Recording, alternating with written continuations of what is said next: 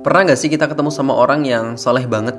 Amal ibadahnya Masya Allah, bacaan Qurannya bagus, suka infak, suka sodako, ilmu agamanya mantep. Tapi setelah kita kenal deket sama dia, ternyata dia suka maksiat. Mungkin karena kesolehannya yang terpancar di uh, muka umum, dia tuh disukai banyak orang dan ternyata itu menimbulkan fitnah bagi dia dia akhirnya nggak bisa menjaga jarak dengan perempuan yang bukan mahramnya. Dia chattingan, dia teleponan, dan dia berhubungan pada sesuatu yang nggak ada kepentingannya di sana. Uh, dia bilang udah makan belum, udah sholat belum, bangun dong sholat tahajud, ya lah. ya dia dia pacaran, ya. terus dia ketemuan, dia uh, dia jalan bareng, dia makan bareng, dia dia ya begitulah pokoknya ya. Atau enggak pernah nggak ketemu sama seorang misalnya penghafal Quran, suaranya bagus, hafalannya kuat, penceramah juga dia dai kondang ketika dia berbicara. Masya Allah orang-orang tuh terkagum-kagum atas retorikanya dalil-dalil yang dia uh, kemukakan. Jangan tanya ibadahnya Masya Allah. So, infaknya, sodakohnya luar biasa. Dia bahkan puasa daud. Tapi setelah kita kenal dekat sama dia ternyata dia bejat juga orangnya gitu ya. Dia suka nonton sesuatu yang gak pantas dan dia suka memanfaatkan uh, kepopularitasannya itu dengan sesuatu yang gak pantas. Kayak apa sih ya pokoknya sesuatu yang bersifat uang itulah ya, dia manfaatin jamaahnya untuk kepentingannya dia sendiri. Ya kayak gitu. Pernah nggak ketemu sama kayak sama orang yang kayak gitu? Nah ada banyak banget DM yang datang ke aku dan mereka cerita tentang kasus-kasus yang kayak gini. Dia nanya yang kayak gini gitu. Kak aku aku bingung loh kak. Ada temen aku kak. Dia soleh banget kak. Tapi dia tuh begini kak dia munafik gak sih kak? Gitu. Kak aku tuh punya temen dia tuh uh, berhijab dia dia ngajar ngajar ngaji ke anak-anak. Cuman dia kelakuannya begini begini. Apakah itu termasuk munafikan kak? Gitu. Apakah amal ibadahnya sia-sia? Gitu. Uh, sering banget gak sih kita ngedenger uh, ada orang yang bilang percuma aja dia soleh tapi di belakangnya maksiat juga. Mending aku biasa-biasa uh, aja tapi nggak munafik kayak kayak dia gitu. atau uh, teman aku berhijab ngajar Quran tapi alaknya buruk. Di belakangnya pacaran juga. Mending aku nggak berhijab tapi alaknya baik gitu. Ada banyak banget kasus-kasus kayak gini masuk ke DM aku. Dia cerita kayak gitu. Dia kesal sama temennya yang uh, dia kira soleh. Ternyata nggak seperti ekspektasinya gitu. Ternyata dia juga punya kesalahan. Dia juga punya dosa yang uh, dia lakukan gitu. Nah pada kesempatan kali ini aku akan uh, coba kasih tanggapan ya Bismillahirrahmanirrahim. Kalau bener itu datangnya dari Allah kalau salah tolong dikoreksi tolong kasih tahu aku tegur aku dan kesalahan itu datangnya dari dari aku sendiri. Oke Bismillah. Uh, mulai dari mana ya? Oke mulai dari sini deh. Teman-teman manusia itu nggak ada yang sempurna. Hatta Nabi aja itu pernah ngelakuin kesalahan. Cuman bedanya kalau Nabi itu ketika ngelakuin kesalahan atau Rasul ngelakuin kesalahan itu langsung diingetin sama Allah atas kesalahan yang mereka perbuat dan Allah jaga mereka dari dosa dan kesalahan. Nah, apalagi kita yang cuma manusia biasa. Uh, kita bukan nabi, bukan rasul, bukan sahabat, bukan ulama, bukan orang yang ahli ibadah. Kita adalah orang biasa gitu. Contoh nih misalnya Nabi Adam Nabi Adam aja melakukan kesalahan. Kenapa Allah bilang jangan deketin satu pohon, jangan jangan makan buah dari pohon itu. Ya, tapi Nabi Adam uh, deketin terus kemudian makan. Nah, terus Nabi Adam diturunin ke bumi. Nah, tapi ingat ya, Nabi Adam diturunin di bumi itu bukan karena ke, bukan karena Nabi Adam makan buah uh, yang dilarang sama Allah, tapi karena emang Allah pengen menjadikan Nabi Adam itu di di bumi. Allah bilang wa qala rabbuka lil malaikati inni ja'ilun fil ardi khalifah dan ketika uh, Allah Subhanahu wa taala berkata kepada para malaikat sesungguhnya aku akan men, uh, menjadikan manusia uh, akan menjadikan khalifah di muka bumi. Gitu. Jadi au, kenapa manusia diciptakan? Itu tugasnya bukan di surga tapi tugasnya di di bumi. Nah, cerita tentang Nabi Adam itu makan buah yang dilarang itu adalah pelajaran untuk kita bahwa manusia emang itu sifatnya suka buat dosa, sifatnya suka buat kesalahan, sifatnya itu lupa al insan asal katanya nasiyan artinya lupa manusia itu tempatnya salah dan lupa dan ketika dia lupa maka mohonlah sama Allah, minta ampunlah sama Allah nih saya Allah bakal ampunin dia. Sama ketika Nabi Adam ngelakuin kesalahan, Nabi Adam berdoa, "Rabbana zalamna anfusana wa illam taghfir lana wa tarhamna lanakunanna minal khasirin." Ya Allah, sungguhnya aku telah menzalimi diri aku sendiri. Jika Engkau tidak mengampunkan dosa aku, jika Engkau tidak memberikan rahmat kepada aku, nih saya aku termasuk orang-orang yang rugi. Nah, dari sini kita tahu ya manusia itu nggak nggak sempurna. Nah, kita yang bukan ulama, kita yang bukan nabi, bukan rasul, bukan sahabat, bukan bukan orang yang fakih dalam agama, bukan juga orang yang abid, bukan juga orang yang diberi hikmah kayak Luqmanul Hakim. Kita manusia biasa, orang awam gitu ya, lemah, bodoh gitu. Wah, pasti banyak banget kesalahannya. Kita pasti banyak banget dosanya. Kita pasti banyak banget kelalaian yang kita perbuat. Dan semua itu kadang-kadang kita lakukan berulang kali kita jatuh, kemudian kita bangkit lagi. Kita maksiat, kemudian kita tobat lagi. Kita jatuh, kita bangkit lagi. Kita maksiat, kita tobat lagi. Gitu terus. Nah, ketika kita tahu bahwa kita juga orang yang selalu berbuat dosa, maka jangan campur adukan antara kebaikan dengan keburukan. Ketika kita ngelihat uh, orang yang soleh, tapi ternyata dia buruk juga gitu. Jangan jangan campur adukin antara kebaikan dia dengan keburukan dia. Ketika dia ngelakuin kebaikan, ya dia bakal dapat pahala. Ketika dia ngelakuin keburukan ya dia bakal dapat dosa. Misalnya ya contoh ada orang berhijab. Dengan hijabnya dia dia dapat pahala. Tapi dia suka gosip mulutnya tuh ember gitu. Nggak bisa dijaga eh, kata-katanya kasar. Ya dia dapat dosa bukan berarti ketika dia berhijab wah dia ahlaknya sempurna gitu. Baik enggak enggak enggak enggak juga gitu. Misalnya ketika ada orang yang ilmu agamanya bagus berceramah di mana-mana dia dia eh, ya dia dapat pahala. Dan ketika dia mengambil harta yang bukan haknya, ya dia dapat dosa. Bukan berarti ketika dia menyampaikan agama, dia berceramah, nasehatin orang, kemudian dia ngelakuin uh, dosa, mengambil hak, mengambil harta yang bukan haknya, terus kemudian semuanya salah gitu. Enggak. Orang yang berceramah belum tentu uh, ahlak, kemudian sifat perilakunya itu sempurna gitu. Enggak. Ya berceramah dia dapat dia dapat pahala ketika dia ngelakuin uh, sesuatu yang haram ya dia dapat dosa Nah, ketika ada seorang misalnya uh, ada seorang yang ngafalin Quran, ya dengan hafalan Qurannya dia dapat pahala. Tapi sering kali dia ngafal Quran sih, tapi dia nonton film yang enggak enggak nonton film-film yang buruk gitu ya. Nonton film porno. Ya dia dia dapat dosa. Bukan berarti uh, kita bilang ke dia udah lu nggak usah ngafal Quran lu lu bejat begini. Ya nggak nggak lantas ya ketika kita tuh berhijab. Ketika teman-teman ada ya teman-teman akhwat ada yang berhijab itu langsung sempurna amal ibadahnya sempurna ahlaknya tutur katanya semuanya nggak ada yang cacat. Nah, ketika dia seorang penceramah ketika dia seorang penghafal Quran terus semua amalnya itu sempurna gitu? Enggak enggak gitu gitu teman-teman. Karena kalau kita campur adukin begitu ya mana ada sih orang yang sempurna dalam segala amal? Aku deh aku deh. Aku tuh masih banyak kesalahannya aku tuh masih banyak lalainya. Uh, kalau aku mikirnya ke situ terus aku nggak bakal mau yang namanya mensiarkan kebaikan ah ngapain juga gua mensiarkan kebaikan orang gua masih bejat nggak gitu juga karena Allah berfirman in asantum asantum li anfusikum wa in asatum falaha ketika kamu berbuat baik maka perbuatan baik itu untuk diri kamu sendiri dan jika kamu berbuat jahat maka perbuatan jahat kamu, kejahatan kamu itu untuk diri kamu sendiri. Maka jangan digabungin ya antara kebaikan dengan keburukan. Kalau ada orang yang lakuin kebaikan ya itu kebaikan untuk dia. Kalau ada orang yang lakuin keburukan ya itu keburukan untuk dia. Jadi ketika kita ngelakuin amal kebaikan, ya amalan kebaikan itu harus kita pertahankan dan ketika kita ngelakuin amalan kemaksiatan itu kemaksiatan kita harus berusaha kita hentikan dan kita perbaiki gitu ya. Uh, nggak berarti ketika kita ngelakuin kemaksiatan kita tuh nggak berhak untuk ngelakuin kebaikan. Bukan begitu bukan berarti juga ketika kita ngelakuin kebaikan kita tuh harus sempurna dulu dalam sebuah dalam semua amalan gitu. Kita uh, ahlaknya bagus uh, kita, tutur kata kita tuh sempurna ya bukan begitu juga.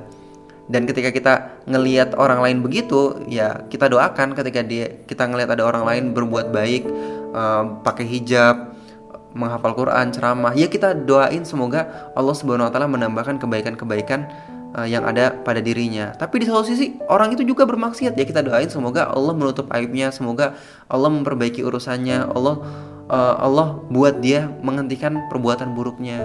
Bukan malah kita judge ah munafik lo gitu ya. Ah buka aja hijab lo. Uh, kalau kelakuan lo kayak gini nggak pantas lo buat eh, nggak uh, nggak pantas lo pakai hijab uh, najis gue sama dia. Penghafal Quran tapi suka nonton begituan. Amit-amit dah gue sama dia. Pinter ngomong doang di depan orang padahal di belakang mah culas dia. Jual agama demi kepentingan sendiri. Uh. Astagfirullah bukan begitu ya teman-teman ya. Teman-teman kita nih hidup dalam perjuangan untuk terus-menerus memperbaiki diri kita. Maka jangan pernah kita berhenti untuk memperbaiki diri. Mungkin di antara teman-teman, di antara kita ada yang ngerasa ah, aku belum pantas pakai hijab gitu. Aku belum pantas uh, ngafal Quran. Aku belum pantas untuk uh, nasihatin orang. Kenapa? Karena aku masih suka uh, ke diskotik, aku masih suka bejat, aku masih suka ngapa-ngapain anaknya orang gitu. Aku masih sering buat salah lah kenapa mikirnya begitu? Pakai hijab, ngafal Quran, nasihatin orang itu adalah sebuah kebaikan. Kenapa harus harus berhenti? Kenapa harus nggak jadi? Hanya karena kita masih sering berlaku buruk? Hanya karena kita masih sering lalai? Hanya karena kita masih sering maksiat? Kenapa kita harus menghentikan kebaikan? Coba sekarang siapa sih di di sini yang nggak pernah maksiat, yang nggak pernah ngelakuin hal buruk, yang nggak pernah lalai, siapa sih di sini yang suci dari dosa-dosa itu dari kesalahan-kesalahan itu siapa coba angkat tangan? Ada nggak? Nggak ada. Jadi kalau kamu mau berubah kita mau berubah lakuin sekarang. Perkara kamu masih maksiat perkara uh, kita masih sering lalai ya itu sebuah proses sih untuk terus menerus kita berusaha untuk merubah keburukan-keburukan kita. Tau nggak sih Allah aja itu akan janji akan nutupin dosa-dosa kita ketika kita ngelakuin amal soleh loh dan ketika kita ngelakuin amal soleh bukan hanya dosa-dosa dosa bukan hanya dosa-dosa kita yang ditutup tapi kita juga bakal dimudahin sama Allah untuk menjadi lebih baik Allah bilang innal hasanat yudhibnas sayyiat. Sesungguhnya perbuatan-perbuatan yang baik itu, amal-amal soleh itu akan menghapuskan dosa-dosa atau perbuatan-perbuatan amal-amalan buruk kita. Dan itu adalah peringat, peringatan bagi orang-orang yang ingat.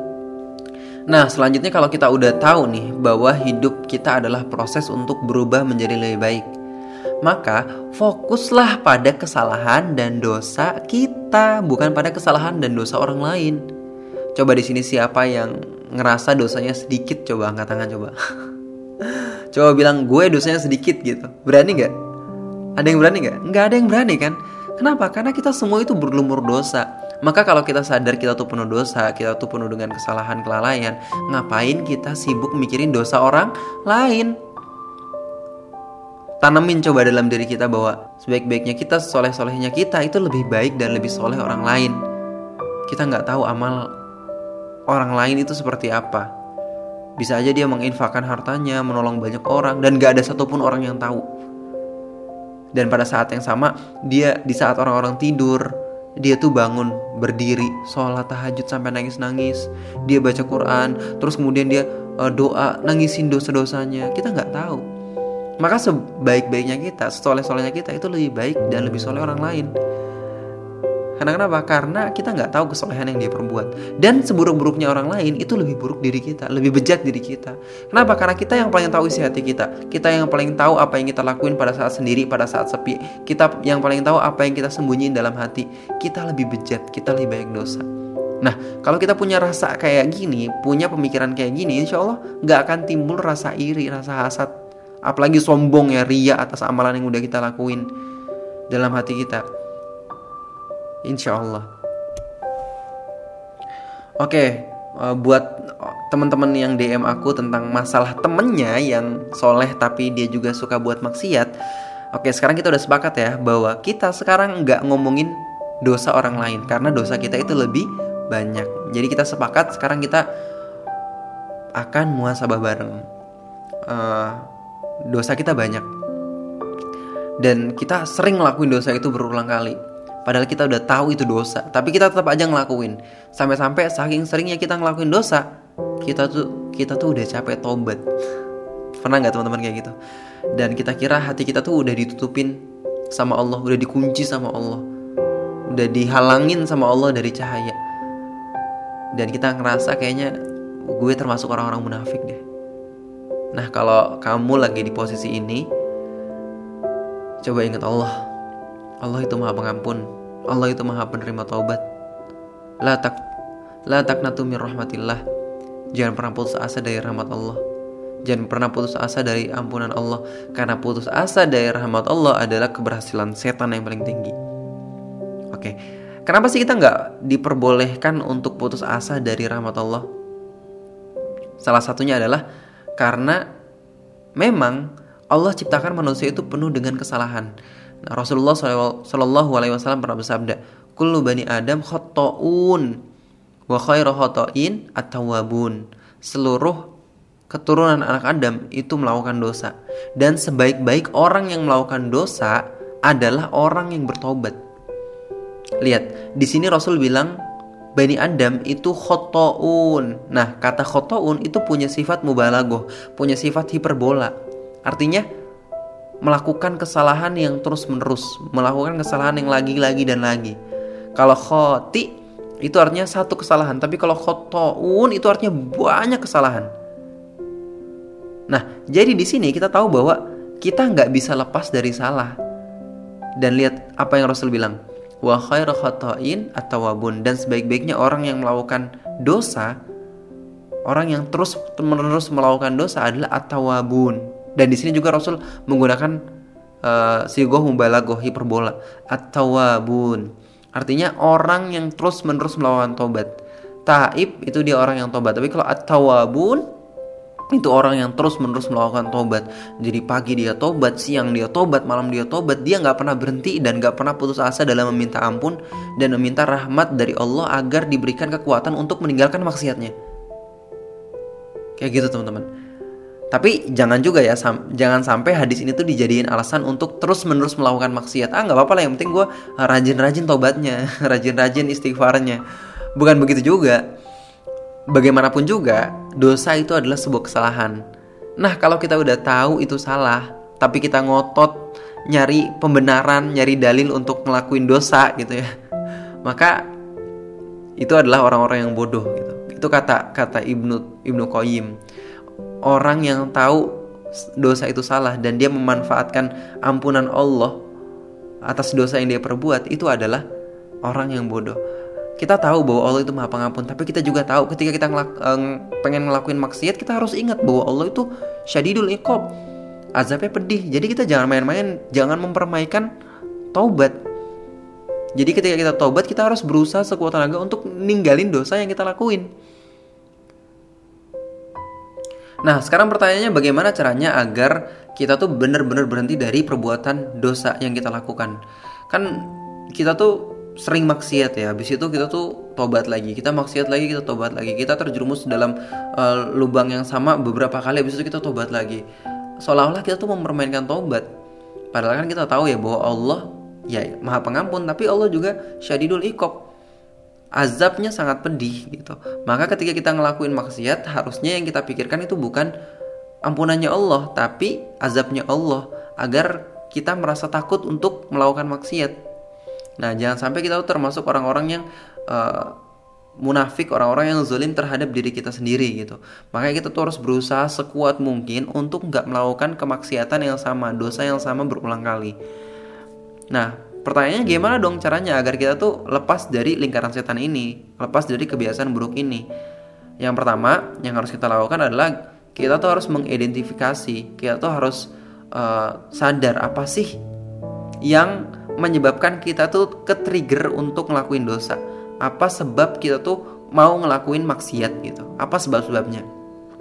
Kalau kamu serius untuk berubah kalau kamu serius untuk berhenti dari dosa-dosa kamu yuk sama-sama kita catat dan kita pikirin kita renungin yang pertama kapan sih kita ngelakuin maksiat yang kedua di mana sih kita ngelakuin maksiat yang ketiga situasi yang kayak apa sih yang membuat kita tuh kepengen maksiat Nah, sekarang kamu renungin dan coba kamu tulis. Udah kamu tulis? Kalau kamu udah tulis, tinggal berusaha keras untuk ngindarin situasi dan kondisi yang ngebuat kamu maksiat. Kalau kamu udah ngindarin, insya Allah itu menjadi satu momen perubahan dalam hidup kamu. Contoh nih ya, misalnya, uh, aku kasih aku kasih contoh kasus yang paling mainstream aja ya, yang paling banyak dicurhatin di DM aku. Ah, sebenarnya nggak enak banget sih ngebahas ini tabu gitu. Tapi innallaha la yastahyi minal haq. Allah tuh nggak pernah malu dengan satu kebenaran. Misalnya ya, misalnya nih ya, ini banyak banget kasusnya soalnya banyak yang DM ke aku. Kamu nggak bisa berhenti nonton film porno. Kamu kecanduan uh, nonton uh, video film-film uh, yang senonoh gitu kan. Nah, gimana caranya agar kamu tuh bisa lepas dari ber, dari nonton yang kayak gituan? Sekarang coba kamu catat, di mana kamu ngelakuin itu? Udah kamu catat. Di mana kamu ngelakuin itu? Misalnya pada saat kamu lagi di kamar. Terus kapan kamu ngelakuin itu? Misalnya pada saat pagi sama malam. Yang ketiga, gimana situasinya? Pada saat kamu sendiri misalnya. Terus apa sebab-sebab lainnya yang membuat kamu tuh mau ngelakuin hal kayak gitu? Misalnya ketika kamu ngelihat video joget di TikTok gitu. Itu membuat kamu pengen ngelakuin itu, pengen nonton itu gitu. Ketika kamu ngumpul sama teman-teman yang suka nonton uh, porno juga gitu itu membuat kamu pengen ngelihat video itu gitu. Ketika bercandaan sama cewek-cewek di sekolah kamu membuat kamu pengen nonton itu. Ketika ngelihat cewek seksi di jalan atau ngelihat cewek seksi di Instagram membuat kamu kepicu untuk nonton itu gitu. nah itu kan udah jelas ya. Udah jelas tuh apa yang membuat kamu kepengen untuk ngelakuin hal itu. Coba deh sekarang kamu berusaha untuk menghindarin kondisi kondisi dan situasi yang membuat kamu mau nonton itu. Kalau kamu suka nonton pada saat di kamar, kamu bisa ganti untuk beraktivitas di ruang tamu. Atau kamu bisa lepas pintu kamar kamu agar orang-orang di rumah tuh bisa ngelihat kamu ngapain dalam kamar. Atau kamu bisa bilang ke ayah atau ibu kamu agar uh, kamar kamu tuh dijadiin gudang ya, biar kamu tidurnya di sofa aja. Jadi kamu bisa lepas dari kondisi pertama yaitu kamu sering ngelakuin maksiat di kamar. Nah kondisi kondisi kamar kamu sekarang kamu buat agar kamu nggak bisa ngelakuin maksiat di kamar. Nah yang kedua misalnya kamu sering ngelakuin maksiat itu pada saat pagi sama malam. Nah kalau kalau kamu udah tahu di waktu-waktu itu kamu kalap di waktu-waktu itu kamu tuh lepas kendali kamu ubah kegiatan kamu di pagi hari dengan sesuatu yang positif. Kamu bisa lari pagi sampai kamu capek banget sampai kamu pengen muntah gitu. Kalau kamu capek kan insya Allah kan nggak bakal kepikiran yang macam-macam gitu. Dan kapan lagi? Malam. Kalau malam kamu susah tidur sebelum ngelihat video itu gitu. Ya pada saat sore harusnya kamu tuh latihan boxing latihan MMA latihan muay thai karate atau apa pun itu. Kalau bisa kamu latihannya sampai tangan kamu sakit-sakit sampai muka kamu bonyok sampai kaki kamu memar. Kalau situasinya kayak gitu insya Allah dah kamu nggak bakal kepikiran sempet kepikiran hal-hal negatif. Makanya ini penting banget ya untuk para pemuda nih eh, terutama yang belum nikah. Kalau bisa kamu tuh punya hobi yang nguras energi kamu nguras tenaga kamu kayak futsal basket volley silat berenang panahan uh, kudaan atau apa pun itu yang membuat badan dan pikiran kamu tuh sehat. Karena kalau kita nggak sibuk sama yang positif, pasti kita kita bakal disibukin sama yang negatif ya kan orang-orang yang sering sibuk sama hal yang positif aja itu kadang-kadang terjerumus pada yang negatif apalagi yang nggak sibuk sama hal yang positif otomatis bakal disibukkan sama hal yang negatif. Ibaratnya kayak tanah aja deh ini tanah kalau nggak ditumbuhin pohon ya bakal tumbuh rumput gitu. Tapi kalau nggak ditumbuhin apa-apa ya rumput semua yang numbuh ya. kebaikan kalau nggak ditanam ya keburukannya ada sih cuman kebaikannya insya Allah lebih banyak. Tapi kalau nggak ditanam ke kebaikan apa pun ya keburukan semua ya. Jadi hati-hati ya sama waktu kosong sama uh, ke, waktu kosong kegiatan kosong itu hati-hati banget. Makanya kamu harus sibuk untuk menguras tenaga energi dan pikiran kamu. Nah terus situasi kayak apa lagi? Wah situasinya pada saat kamu ngelakuin maksiat itu pada saat kamu sendiri misalnya. Nah ketika datang pikiran negatif pada saat kamu sendiri harusnya kamu tuh udah inisiatif wah gue tuh harus cari keramaian. Ah gue harus ke masjid nih. Gue harus ngobrol sama sama bokap-bokap masjid. Ya nggak apa-apa lah ngobrolin apa kek gitu supaya gue tuh nggak ngelakuin ini lagi. Uh, tapi masjid udah tutup. Ya udah kamu ngobrol sama ibu ibu kamu. Kamu ngobrol sama ayah kamu. Kamu bantuin ayah kamu kalau dia lagi ngerjain sesuatu. Kamu bantuin ibu kamu kalau dia lagi ngerjain sesuatu. Jangan sampai kamu sendiri. Karena tahu karena kamu tahu ketika kamu sendiri kamu bakal ngelakuin itu gitu.